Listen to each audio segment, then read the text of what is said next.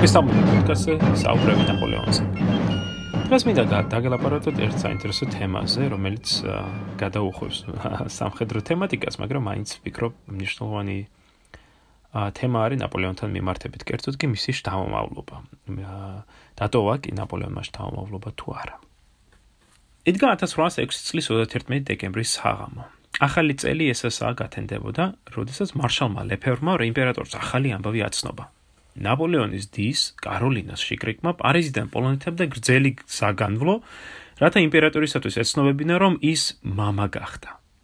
მავშვიც და დედაც, რომელიც კაროლინას პრეილინა ელენოერა დე ნუელი დე ლა პლენი იყო, ორთავე კარგად ძნობდნენ თავსო. ბიჭია, ბიჭი! ახტაცებით გაიწახოდა ნაპოლეონი და სიხარულისგანო ოთახში დახვდოდა. გარეთ კი ნაპოლეონის მამლუქი რუსტამის სიტყვით იდგა სასტიკი ზამთარი. ჯარისკაცები მუდამ წუწუნებდნენ სიცივეზეო. ზამთარი არა მარტო ცივი, არამედ სისხლიანიც გამოდგა. 1800 წლის შემოდგომაზე პრუსიის განადგურების შემდეგ ნაპოლეონი რუსებს დაედევნა პოლონეთისაკენ. დეკემბრის მიწურულს მოწინააღმდეგეები შეეგებდნენ კიდევაც ერთმანეთს პულტუსკთან, გოლიმთან. წელს ორივე მხარემ ძიმე დანაკარგები განიცადა. ბრძოლეთში განცდილმა დანაკარგებმა, რომ არაფერი ვთქვა, აუტანელ სიცივეზე და სურსაცანოვაგეს ნაკლებობაზე, დიდად დაასუსტა ნაპოლეონის დიდი არმია, რომელიც გამოსაზამთრებლად დაბანაკდა დასავლეთ პოლონეთში. სწორედ ამ დარდიან დროს მოუსწრო ნაპოლეონის ვაჟის გაჩენის ამბავმა. სწორედ იმ მომენტში, როდესაც მასას და ჯარს სჭირდებოდა სტიმული. იმპერია ხომ მხოლოდ 2 წლის იყო. იმპერატორის უშვილობის შემხედვარე ვინიცის რამდენ ხანს გასტანდა ის? მით უმეტეს რომ პოლონეთის თოლჭყავში აქამდე დაუმარცხებელ პატარა კაპრალს თითქოს და ძველებურად არ უჭრიდა מחვილი. პატარა ვაჟის გაჩენა კი უკეთესი მომავლის იმედი იყო. ჟოზეფინასთან 10 წლიანი ქორწინება უიღლო აღმოჩნდა და ნაპოლეონის ცდელობის მიუხედავად წყვილს ბავშვი არ გასჩენია. ეკიმები ირწმუნებოდნენ ნაპოლეონის სტერილური იყო და უშვილო მომავალთან შერიგებას ურჩევდნენ. სწორედ ამიტომ იყო რომ ბავშვის გაჩენის ამბავმა უზომო გაახარა ნაპოლეონი. ჰაჰა, ვაჟი მყავსო, ვაჟი, გაყვიროდა იმ ღამეს იმპერატორი. ჩემი შვილია, ეს უდავოა. გადაეცი ელეონორას, რომ რასაც მოისურვებს, ყველაფერს მიიღებსო. ეხლა უკვე ოჯახის შექმნაზე შემიძლია ვიფიქრო. განგებამ როგორც იქნა უპასუხა ჩემს ვედრებას. ამიერიდან მომავალი ჩემს ხელთანაა. ამ პატარა ვაჟის გაჩნამ დიდი როლი ითამაშა როგორც ნაპოლეონის ცხოვრებაში, ასევე იმპერიის ისტორიაშიც. დიდი ხნის განმავლობაში ნაპოლეონი არ იყო დარწმუნებული შეეძლო თუ არა მას შვილის ყოლა. გარკვეულწილად შეგუებულიც იყო იმას, რომ უშვილო დარჩენდებოდა. სახელგანთმული ფრანგი ისტორიკოსი ფრედერიკ მასონი მართალია, როდესაც აღნიშნავს, რომ ამ უსახელო ვაჟის საიდუმლო გაჩნამ დაღი დაასვა ნაპოლეონს და უბიძგა მას მიიღო საბედისწერო გადაწყვეტილებები როგორც სტილზიტთან ისევე 2 წლის შემდეგ ავსტრიასთან მიმართებით. იგივე აზრისა ნაპოლეონის პირადი მდივანი ბარონი ფენი, რომელიც წლების განმავლობაში ემსახურებოდა იმპერატორს და კარგად იცნობდა მას. შვილის გაჩენამ აღნიშნავს ფენი გააქარწყლა ჟოზეფინას ცრუ განცხადებები უშულობის თაობაზე და დიდი როლი ითამაშა ნაპოლეონის გადაწყვეტილებაში განშრობულიყო ჟოზეფინას. ნაპოლეონმა ხომ ამიერიდან იცოდა რომ შეეძლო კანონიერის ვაჟის ყოლა მეორე უფრო ახალგაზრდა მეუღლესთანო. შარლი ლეონი, როგორც ამ პატარა ბავშვს უწოდეს, დაიბადა 1806 წლის 13 დეკემბერს. მის დაბადებას დაესწრო აკუშერი პიერ მარშე, ინვალიდების კომპლექსის მთავარი ექიმი გიომ ანდრალი ხოლო მოწმედ დადგა საპატიო ლეგიონის ყაზინადარი ჟაკ რენე მარი აიმე. პარიზის მეორე აღონდიზმონის მერიის საბუთებში დღემდე ინახება ჩანაწერი. 1806 წლის 13 დეკემბერი დაიბადა ლეონი, 20 წლის ელეონორ დენუელის ვაჟი, мама არესტრებოდა დაბადებას. ელეონორ დენუელი დელაპლანი იყო ნაპოლეონის დის კაროლინას ფრეილინა, როგორც აღნიშნეთ. და ამავე დროს მისი ანუ კაროლინას ქრის მარშალ იოჰან მიურატის საყვარელი. კაროლინა დიდი ხნის განმავლობაში ცდილობდა ნაპოლეონის და ჟოზეფინას დაშორებას და მის მაკინაციებშიც აი ელენოროც გაება. 1806 წლის გაზაფხულზე ელენორო განქორწინდა თავის მეუღლეზე, რომელიც ციხეში იჯდა გადაუხდელი ვალებისათვის. ახლა განთავისუფლებული გოგონა კაროლინა მომალვე გამოიყენა თავისი გეგმებისათვის და ნაპოლეონს წარუდგინა. ცირე ხანში ნაპოლეონმა მასთან რომანი გააბა. და რიუ დე ვექტუარზე მდებარე პატარა სახლიც დაუქირავა. რომანი ვნებიანი, მაგრამ ხანმოკლე აღმოჩნდა. ბავშვის დაბადების შემდეგ ნაპოლეონი იმპერიის საქმებით იყო გართული და აღარ იჩენდა ინტერესს საყვარლისადმი. თუმცა არც მთლად დავიწყებია იგი. 1808 წელს მას ელეონორ დააკოწინა ახალგაზრდა ოფიცერზე. თუმცა ამ ქორწინებამ მხოლოდ 4 წელი გასტანა. 1812 წელს ელეონორი დაქრევდა, როდესაც მისი მეორე მეუღლე, ხო, ეს ოფიცერი რუსეთში დაიღუპა. 1814 წელს ელენორა ხელახლა გათხოვდა. ამჟამად ბავარიელ დიპლომატზე, რომელთანაც კარგახანი დაჰყო კიდეც. ამ ხნის განმავლობაში შარლეონი დედასგან განცალკევებით იზრდებოდა, ვინაიდან ნაპოლეონის ბავშვის იმპერიულ კარზე გაზდა სურდა. თამამედროების განცხადებით იმპერატორი დიდ სიბოს იჩენდა ბავშვის მიმართ. ნაპოლეონის კამერგერი კონსტანი მაგალითად აღნიშნავს, რომ ხშირად მაგზავნიდა ბავშვის მოსაყვანად. რომ მოვიყვანდი იმპერატორი თფილად ეალერსებოდა ბავშვს.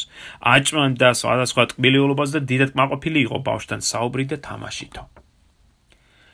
1811 წელი შარლეონისათვის საბედისწერო გამოდგა. მარჩი ნაპოლეონს შეეძინა კანონიერის შვილი და ამიერიდან ნაპოლეონი თანდაბრუნდ ნაკლებ ყურადღებას დაუთმობს მას. თუმცა მუდამ ზრუნავდა მის კეთილდღეობაზე. 1812 წელს რუსეთში წასვლის წინ იმპერატორმა შეარჩია სანდო კაცი, რათა ბავშვის მეურვე ყოფილიყო და შექმნა საგანგებო, მაგრამ საიდუმლო ფონდი, საიდანაც ბავშვისთვის ფული გამოიყოფოდა. მომდენო 3 წელი შარლეონმა სწორედ ამ მეურვის, ბარონ დემოვერის ხელში გაატარა. 1815 წელს, როდესაც ნაპოლეონი ვატერლოოსთან დამარცხდა და საფრანგეთიდან წასასვლელად ემზებოდა და მან მოინახულა 8 წლის შარლი მალმეზონში. მან კვლავ უზრუნველყო, რომ ბავშვს ფული არ მოკლებოდა. წმინდა ელენეზე სიკვდილის პირას პოპმა ნაპოლეონმა თავის ანდერძის საგანგებოდ აღნიშნა, რომ შარლს უტოვებდა 300.000 ფრანკს საკმაოდ სოლიდურ თანხას. და იქვე მიწერილი აქვს: დიდად კმაყოფილი ვიქნები თუ პატარა ლეონი იურიდიულ კარიერას მიჰყოფს ხელს, თუ ის ასე მოისურვებსო. შარლეონისათვის სამწუხაროდ ნაპოლეონის სურვილი არ იქნა შესრულებული, ვინაიდან ფულის გამოყოფა დამოკიდებული იყო ნაპოლეონის ქრივის, მარია ლუიზას და შვილობილის ეჟენ დე ბოარნეს კეთილნებაზე. მართალია, ნაპოლეონის ანდერძის აღმასრულებელმა შარლ დე მონტოლონმა უჩივლა ორთევეს ამ მუხლის შესრულებაში, სისრულეში მოსაყვანად, მაგრამ ფული ვერ ვერ მოიპოვა. 1821 წელს ნაპოლეონის გარდაცვალების შემდეგ ლეონს ახალი მეურვე მოევლინა. ეს იყო ბარონ მოვერის სიძე, ბარონ დე მენევალი. რომელიც მრავალი წლის განმავლობაში ნაპოლეონის პირად დივნად მუშაობდა და თავისი წესიერებით გაითქვა სახელი. მენევალი ყველანაირად ცდილობდა მოეწყო ლეონის საუკეთესო სკოლაში, გამოეზოგა ფული, რომელიც ნაპოლეონმა დაუტოვა მას. მაგრამ მეორესა და შარლს შორის მუდამ პრობლემები იყო. ვინაიდან ბიჭს სწავლა ნაკლებად ადარდებდა და უფრო დროს დარებაზე ოცნებობდა. თანამედროვეები ერთხმად ამტკიცებენ, რომ შარლსა და ნაპოლეონის შორის დიდი ფიზიკური მსგავსება იყო. ბრიტანელი მგზავრის განცხადებით, მისი წარმოავლობა ზეც სახეზე ეთყობოდაო, ვინაიდან ფიზიკურად იგი იმ გამოჩენილი მხედროთავის ცოცხალი ასლი იყო. მენევალის ცდელობების მიუხედავად, ლეონს ხშირად ეპატიჟებოდნენ სუფრებზე ან სათამაშოდ ან გასართობად, სადაც 1000 პრობლემას აწყდებოდა. 1832 წლის თებერვალში ბანკოს თამაშისას მან 15000-ზე მეტი ფრანკი წააგო ერთ თამაში, რაც მის წლიურ შემოსავალს ფაქტურად აღემოტებოდა. ვინაიდან მან ვერ შეძლო ამ თახის გადახდა, ბრიტანელმა ოფიცერმა შარლ ჰესემ დუელზე გამოიწვია. დუელი ვინსენის დღეში შედგა. ჰესემ პირველმა გაისროლა, მაგრამ ააცილა. ლეონის გასროლა კი სასიკვდილო აღმოჩნდა ბრიტანელისათვის. დუელის ამბავი მთელ პარიზს მოედო. ლეონი პოლიციამ დააკავა მკვლელობის ბრალდებით, მაგრამ აღსანიშნავია, რომ სასამართლოს დროს იგი გამართლებულ იქნა. ამ წარე გამოცდილების მიუხედავად ლეონი აგრძელებდა თამაშ დროსტარებას 1830-იან წლებში იგი არაერთხელ მოხვდა ციხეებში ვალების გადაუხდელობის გამო 1840 წლის იანვარში პარიზის პოლიციის მიერ დაწერილ მოხსნებაში აღნიშნულია შემდეგი რამ ლეონის თავადი ცხოვრობს ბრიუსელის სასტუმროში რიუ დიუმალის ქუჩაზე მას საყვარლად ყავს მსუბუქი ყოფაქცევის ქალი, რომელიც ამავე დროს თან ცხოვრობს ვინმე ლესიურესთან ერთად, რომელიც მუშაობს სამხედრო სამინისტროში მოხელედ. და რომელმაც მიატოვა თავისი კანონიერი ცოლი, რათა ამ ქალბატონთან იყოსო. ამ ქალბატონმა ხე სახელი გაითქვა მაგნეტიზმის პრაქტიკითო. თუმცა აქედან მიღებულ მთელს შემოსავალს ლეონის თავადი ფლანგავს. სასტუმროში მყოფი ყველა პირი მეტად გაწმილულია ლეონის თავოდის და ამ ქალის სკანდალური ყოფაქცევითო. იტყობინება პოლიციის მოხსენება. პოლის საშუალებად ლეონის თავადმა ჟოზეფ ბონაპარტს მიმართა დახმარების თხოვნით. ბარონ მენევალმა, მისმა მეურვემ, გაიგო ეს და საგანგებო წერილი გაუგზავნა ჟოზეფს. ეს არის ციტატა ამ წერილიდან. ლეონი ლონდონში მიემგზავრება და მთხოვა თქვენთან წერილი დამეწერაო. ცუდ დღეშია ჩავარდნილი, თუმცა დეტალები ზუსტად არც მე ვიცი. თუ ისე ვებ, მასთან შეხვედრას უშუალოდ აგიხსნით ყველაფერს. მაგრამ მინდა აღვნიშნო, რომ მისი პრობლემები გამოწვეულია იმით, რომ მას გამოცდილება აკლია და რომან არჩია არაფერში ჩააგდოს რჩევები იმ ხალხისა, რომლებიც მის კეთილდღეობაზე ცდილობენ ზრუნვას. მუდამ 1000 გეგმებს თხსავს და მუდამ უფრო უფრო დიდი წარმოდგენისაა მის ხელთ არსებულ საშუალებებზე, ვიდრე ეს რეალურად ხდება. წინდა ხედულობა და სანდოობა მის ხასიათში არ შეიმჩნევაო. ამ წერილის გათვალისწინებით ალბათ არც არის გასაკვირი, რომ ჟოზეფმა უარი თქვა თავის ძმის შულთან შეხვედრაზე. არც სხვა ბონაპარტეებს სურდათ მისი ნახვა.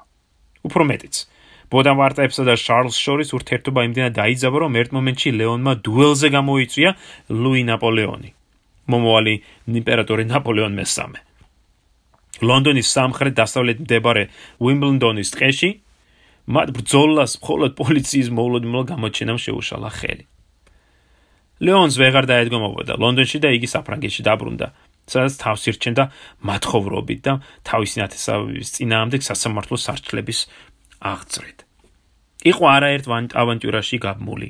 როდესაც ლუი ნაპოლეონმა დაამხო რესპუბლიკა და იმპერატორად გამოაცხადა თავი, ლეონმა თავისი ასე თქვა ცხოვრების გაუმჯობესება აი ისურვა მოელოდა ყოველ შემთხვევაში. დიდი სამომავლო გეგმები დაისახა კარგოლწილად. მაგრამ ნაპოლეონს კარგად ახსოვდა ლეონის წარსული საქციელი. ამიტომ მან უარი განაცხადა მასთან რაიმე საქმის დაჭერაზე, უფრო მეტიც სასახლეშიც კი არ შეუშვა. მაგრამ ნაპოლეონ მესამემ ერთი დიდი წყალობა კი გაიღო. მისი ბრძანებით ნაპოლეონის ანდერძი სისრულეში იქნა მოყვანილი და 1854 წელს, ანუ ნაპოლეონის გარდაცვალებიდან, ხო, 23 წლის თავზე ლეონს დაენიშნა ყოველდღიური ხელფასი, ყოველწლიური უბრალოდ, ყოველწლიური ხელფასი 10000 ფრანკის ოდენობით. ამ ფულით ლეონმა შეძლო ცოტა ფეხზე წამოდგომა, ბიზნესსაც მიყო ხელი, გახსნა პატარა სამრეწველო, თუმცა ის არც ისე წარმატებული გამოდგა. 1862 წლის ივნისში 55 წლის ასაკში ლეონის თავადმა იქორწინა თავის დიდი ხნის საყვარელზე 31 წლის ფრანსუა ფანი ჟონეზე წყვილს 4 ბავშვი ეყოლა ბიჭები შარლი, გასტონი და ფერნანდი და ქალიშვილი შარლოტა ოჯახი დასახლდა პარიზის ერთ-ერთ გარეუბანში, პონტუასში, სადაც ლეონმა ცხოვრების უკანასკნელი წელები გაატარა. არადა მძიმე წლები იყო. მეორე იმპერია უკვე განადგურებული იყო. ლეონს აღარ გააჩნდა ყოველწლიური შემოსავალი. ოჯახი ძალიან მომჭირნე ცხოვრობდა. ლეონის თავადი გარდაიცვალა 74 წლის ასაკში 1891 წლის 14 აპრილს. კუჭის კიბოთი. იგივე ამტყოფობით რაც მამამისი იმსხვერპლა. იგი იმდენად ღარიბი იყო ცხოვრების მიწურულს, რომ ცალკე საფლავის ფულიც კი არ გააჩნდა. ამიტომ ღარიბთა სასაფლაოზე დაასაფლავეს. ერთი უბრალო შავი ხის ჯვრის ქვეშ. მაგრამ არც აქ დასცალდა სიმშვიდე. 1901 წელს მისი ნეშტი ამ საფლავიდან ამოთხრილი იქნა სასაფლაოს გაფართოების დროს და სადღაც გადაგდებული. ასე რომ სადღეისოდ მისი საფლავი არც არსებობს. აი მისი მეუღლის ფრანსუა ჟონეს საფლავი კი შემორჩა და მდებარეობს სოფელ ვიციოტიში პარიზიდან ჩრდილოეთით. უფროსი შარლის გარდაცვალების შემდეგ ლეონის თავადის წოდება გადავიდა მის შვილზე, შარლ უმცროსზე, რომელიც მამასავით 1000 საქმეს ეკიდებოდა, ვიდრე 1894 წელს არ გარდაიცვალა ვენესუელაში. წოდება შემდეგ გადავიდა მის ძმაზე, გასტონზე, რომელმაც საკმაოდ გრძელი და გარკვეულწილად წარმატებული სიცოცხლე გაიგანვლო. 1857 წელს დაბადებული გასტონი ვაჭრობაში იყო ჩართული და 1927 წელს 80 წლის ასაკში გარდაიცვალა. მისი უმცროსი ძმა, ფერნანდი, კი ცირკში მუშაობდა. დიახ, ცირკში. სხვა შორის ერთხანს ბაფალო ბილის შოუშიც მონაწილეობდა ამერიკაში, სადაც ფიქრობ აუცილებლად შეხვდებოდა ჩვენს გურულ მხედრებს. შარლის ქალიშვილმა შარლოტმა რთული გზა განვლო. იგი 1807 წელს დაიბადა, დაქორწინდა გლეხზე, არმან მესნარზე და დასახდა დამა სერინიონში, სადაც წყვილს ეყოლათ ვაჟი დენიელ ნაპოლეონ ჟან მესნარი, რომელიც პირველი მსოფლიო ომის დროს 21 წლის ასაკში გმირულად დაიღუპა რეიმსთან გერმანელებთან ბრძოლაში. ლეონის თავადისგან განსხვავებით, ნაპოლეონის რიგით მეორე შვილს სულ სხვანაირი ცხოვრება აერგო წილად. როგორც აღნიშნე წინა პოდკასტებში, 1807 წელს პოლონეთში ყოფნისას ნაპოლეონმა გაიცნო პოლონელი თავადის ვალევსკას ხალხალგაზრდა მეუღლე მარია, რომელიც მალე მისი საყვარელი გახდა. 1809 წელს ავსტრიის დამარცხების შემდეგ ნაპოლეონმა დაპატიჟა ვარია ვენაში, სადაც იგი ავსტრიის იმპერატორთა რეზიდენციაში, სახელგანმოსჩამბრუნის სასახლეში მოათავსა. სწორედ აქ დაფეხმძინდა მარია. მაგრამ ამ ამბის გამგებისთანავე ნაპოლეონმა სახში დაბრუნება ურჩია, ხო? მარია მაინც დაქორწინებულია ჯერ კიდევ ვალევსკის თავაზე. 1810 წლის მაისში ვალევსკის თავადის შობლიურ სახში სოფელ ვალევიციაში, ვარშავასთან ახლობლად, მარიამ შობა ჯანმრთელი ბიჭი. რომელიც ოფიციალურად მისი ქმრის შვილად მოინათლა და მიენიჭა ალექსანდრე ფლორიან ჟოზეფ კოლონა ვალევსკის სახელი. მაგრამ მისი ნამდვილი წარმოშობა არავისთვის დარჩენილა საიდუმლოდ. იმავე წელს ნაპოლეონმა მარია და პატარა ალექსანდრე ჩამოიყვანა პარიზში, სადაც კერძო სახში მოათავსა და ყველანაირად უზრუნველყო. მაგრამ იქვე მინდა აღნიშნო, რომ იმპერატორსა და მარიას შორის რომანსი აღარ განახლებულა. ნაპოლეონი ხომ უკვე ავსტრიის პრინცესაზე იყო დაქორწინებული და კანონიერ მემკვიდრის გაჩენაზე ოცნებობდა. მარიისათვის მას არ ეცალა. 1814 წელს, როდესაც ნაპოლეონი დამარცხდა და ელბაზე წავიდა გადასახლებაში, მარია ერთადერთი ქალი იყო, რომელმაც მასთან ყოფნა არჩია. ამ დროისათვის იგი უკვე განშორდა თავის თქმარს ვალევსკის თავად და 4 წლის ალექსანდრესთან ერთად გაიმგზავრა ელბაზე. ნაპოლეონი დიდი სიხარულით და აღტაცებით შეხვდა მათ. თელ დღეებს ატარებდა ბავშვთან თამაში, გართობაში. როდესაც ნაპოლეონი დაბრუნდა საფრანგეთში 1815 წლის გაზაფხულზე, მარია და ალექსანდრე პარიზში გადასახლდნენ. სწორედ აქ შეიტყვეს მათ ვატერლოუსთან იმპერატორის დამარცხების ამბავი. უკანასკნელად ალექსანდრე მამამისი იხილა იმავე წლის ივნისის მიწურულს. როდესაც ნაპოლეონი მალმეზონში იყო ჩასული სულ რამდენიმე დღით, ვიდრე ემზადებოდა წასასვლელად. ნაპოლეონის წმინდა ელენეზე გადასახლების შემდეგ მარია ვალევსკა დაქორწინდა ორნანოს თავადზე. მაგრამ ქორწინება ხანმოკლე აღმოჩნდა და 1817 წელს იგი მოულოდნელად გარდაიცვალა. ფაქტობრივად, ობლად დარჩენილი ალექსანდრე, ხო წარმოიდგინეთ, ნაპოლეონის შორეულ კუნძულზე, დედა მკვდარი, მამამისი ვალევსკის თავადი მკვდარი, აი სწორედ ეს ობლად დარჩენილი ალექსანდრე ბიძამ თეოდორე მარსინ ლოჩინსკიმ წაიყვანა თავისთან პოლონეთში და აღზარდა. სიკვდილის წინ ნაპოლეონმა თავის ანძერში ახსენა ალექსანდრე და გამოთქვა სურვილი რომ იგი საფრანგეთში დაბრუნებულიყო და ფრანგი ხალხის სამსახურში ჩამდგარიყო. მამის სიტყვებმა გარკვეული ზეგავლენა იქონიეს ახალგაზრდა ალექსანდრესე. 14 წლის ასაკში მან უარი განაცხადა რუსულ ჯარში ჩარიცხვაზე და მსახურებაზე. რუსულ სამსახურს მან პოლონეთიდან წასვლა ამჯობინა. ჯერ ლონდონში ცხოვრობდა. ხოლო 1830 წლის შემდეგ, როდესაც ბურბონთა მონარქია დაემხო საფრანგეთში, იგი პარიზში გადასახდა. საფრანგეთის ახალმა მეფე ლუი ფილიპემ მისიით გაგზავნა ალექსანდრე პოლონეთში, სადაც მალე ცნობილმა ნოემბრის აჯანყებამ იფეთქა. აჯანყების მონაწილეები პოლონეთის სახელმწიფოების აღდგენის დიდი იმედებით იყვნენ ახს ახსავსე. და პოლონეთის წარმომადგენლად ლონდონში სწორედ ახალგაზრდა ალექსანდრე ვალევსკი აირჩიეს. ბრიტანეთში ყოფნისას ალექსანდრეს შეუყვარდა ლედი კატერინა მონტაგიუ, რომელზედაც მან იქორწინა 1831 წელს, მაგრამ ქორწინება ხანმოკლე აღმოჩნდა. წყვილს მხოლოდ ორი შვილი შეეძინა. ორთავე დაბადებისას გარდაიცვალა და კატერინაც მალე გადაყვა მათ სიკვდილს 1834 წლის აპრილში. ამ დროისათვის რუსეთმა უკვე სისხლში ჩაახშო პოლონეთის აჯანყება.